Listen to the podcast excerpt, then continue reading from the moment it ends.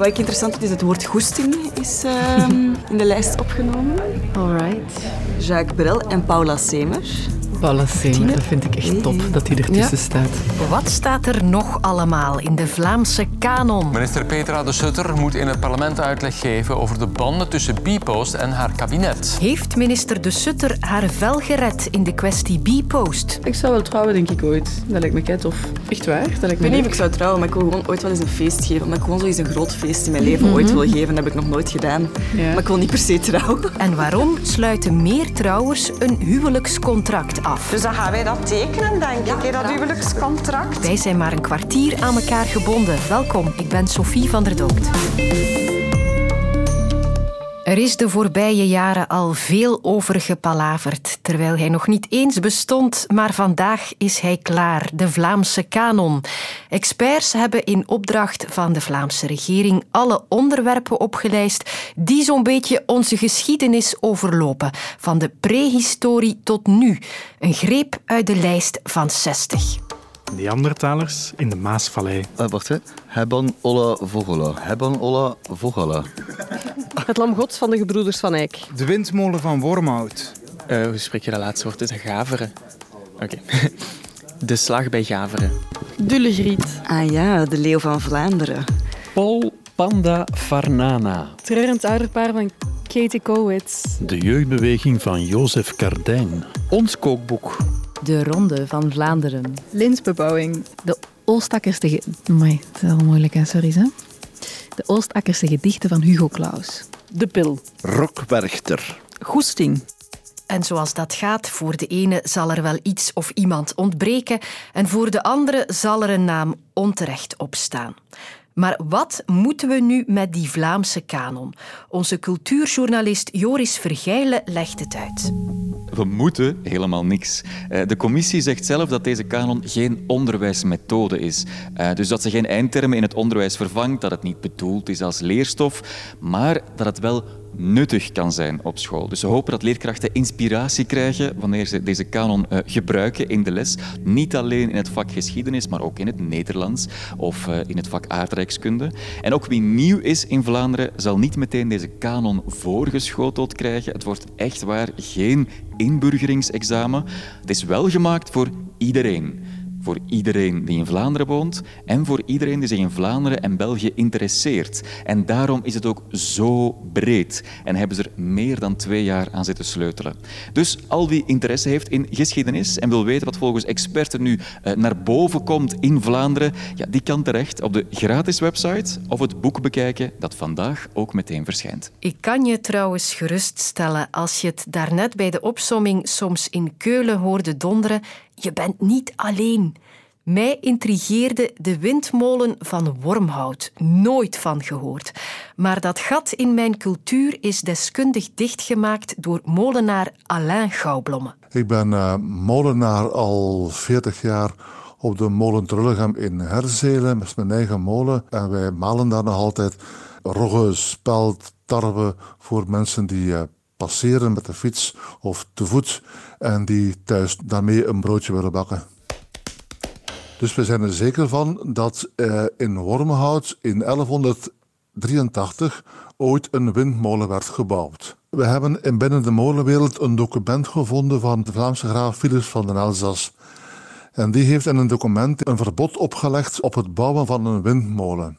Eh, uit dat verbod zou moeten blijken dat er toen al windmolens bestonden in wat we nu Frans-Vlaanderen noemen. En Frans-Vlaanderen behoorde tot de 17e eeuw tot het grote graafschap Vlaanderen. Ik denk altijd Nederland, molenland, maar we waren in Vlaanderen dus eerder. Nederland is veel later gekomen, na de godsdienstoorlogen, toen we de, de scheiding hebben gekregen tussen de zuidelijke en de noordelijke Nederlanden. Maar Vlaanderen werd voor die tijd door heel veel mensen Flandria Molendina Terra genoemd. Dus Vlaanderen molenland. Ja. En waarom is dat? Omdat Vlaanderen toen uh, een van de rijkste gebieden ter wereld was. Uh, steden zoals Gent, Brugge en Yper waren dus wereldsteden te vergelijken met, met Londen en Parijs. En we hadden heel veel uitstekende ambachtlui en uitstekende boeren. En ook een fantastisch goed klimaat. En die molens die hielden het leven in die tijd dan ook echt draaiende? Je moet ervan uitgaan dat de molen belangrijk was voor het dagelijks brood. Ja. Dus mensen gingen met paard en kar naar de molen met graan om daar het graan te laten malen op een molen. En zonder een molen dus geen dagelijks brood. En je moet weten dat er in Vlaanderen naast duizenden watermolens ook duizenden windmolens hebben gestaan. Er was een windmolen voor elke 500 mensen. Dus dat is een heel pak. Ja. En de eerste molen waarover we iets terugvinden lag dus in Wormhout. Dank u wel. Oké, graag gedaan. Zo, één onderwerp kun je al afvinken en in de app van VRT Nieuws vind je ze alle 60 terug.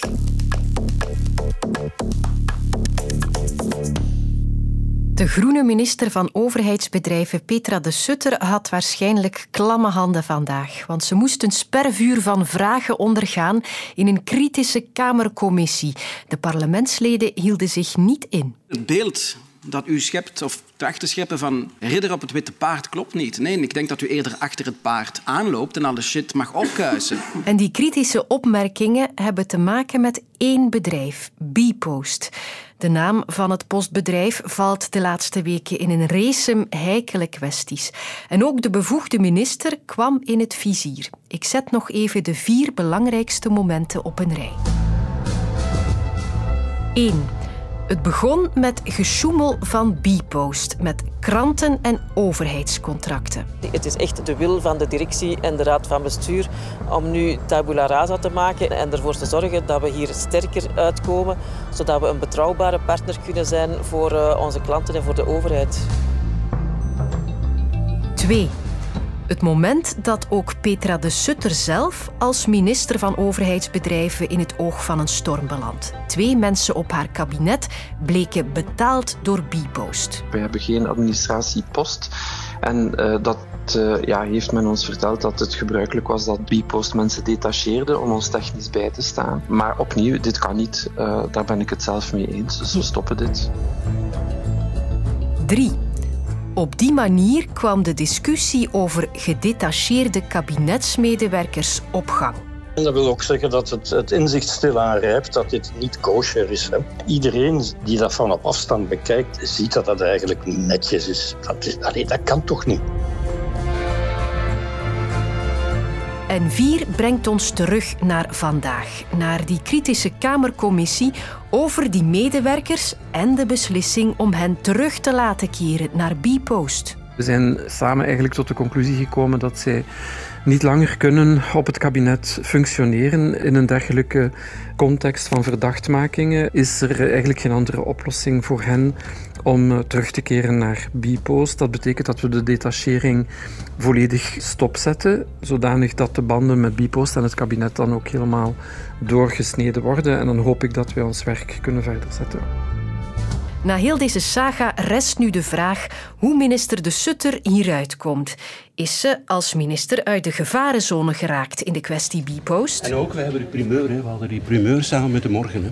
Dus ze hebben mij gisteren gecontacteerd dat wij de primeur krijgen. Collega Johnny van Zevenand kent de wedstraat van binnen en van buiten. Ik had voorspeld dat de Sutter niet in gevaar zou komen. Dat zij zeer goed ligt binnen de regering. Zij heeft de reputatie van een bruggenbouwer te zijn, van zeer opbouwend te onderhandelen.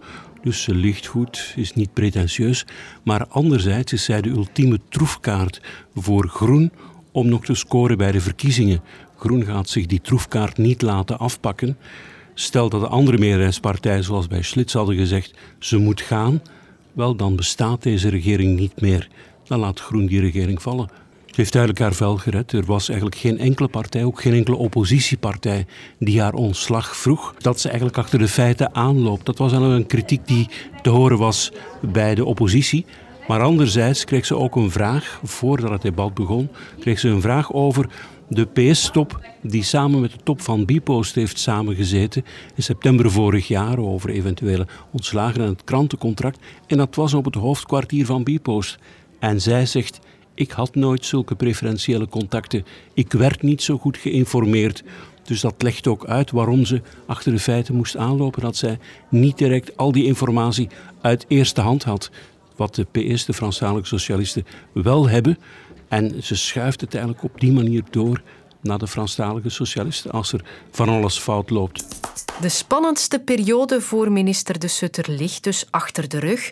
Voor Bpost zelf is dat iets anders, want vandaag dook er weer een verhaal op. Nu over consultants die miljoenen konden verdienen zonder dat de wettelijke procedure gevolgd zou zijn. Ook bij het kwartier zullen we daar dus nog wel een keer een vervolg aan moeten breien, wellicht.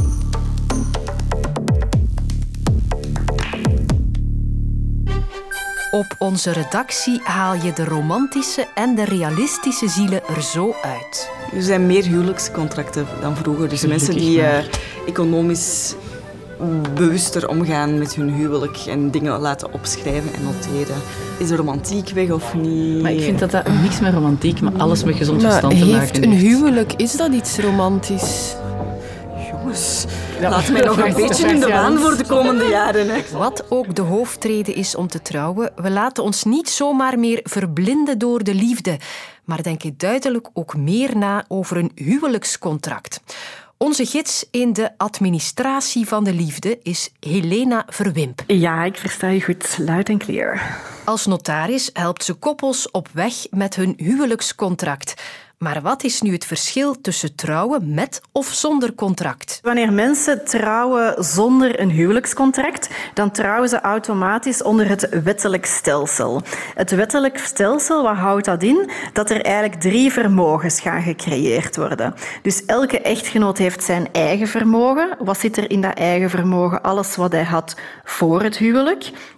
Maar wat komt daar ook in? Alles wat hij zou krijgen via een gift ook na het huwelijk of wat hij zou erven ook na het huwelijk.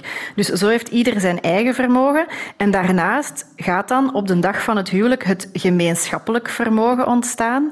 En in dat gemeenschappelijk vermogen zal automatisch elk loon terechtkomen dat verdiend wordt na het huwelijk. En dus ook alles wat dan met dat loon zal gekocht worden, zal dan automatisch deel uitmaken van de huwelijksgemeenschap. Dus dan gaan wij dat tekenen, denk ik, dat huwelijkscontract. Ja, ladies first. Oké.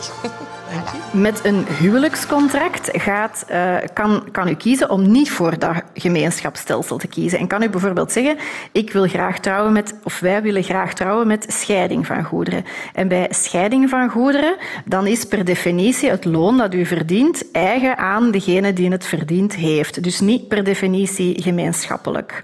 Dus dat is het grote verschil. Dat is van u alleen. En daar kiezen dus meer en meer koppels voor. Er werden vorig jaar 40.000 contracten afgesloten in ons land. Dat zijn er 5.000 meer dan in 2018. Dat taboe is helemaal weg.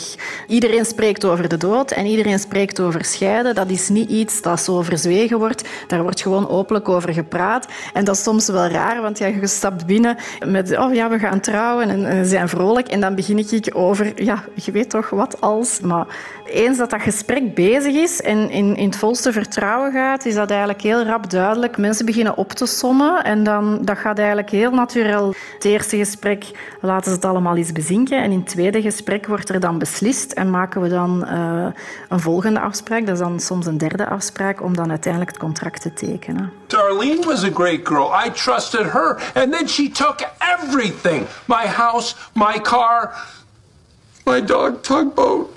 Maar een huwelijkscontract, dat gaat over meer dan jezelf beschermen. Stel dat er nu iets gebeurt met ons. Ofwel een scheiding, ofwel een overlijden. Waar sta ik nu?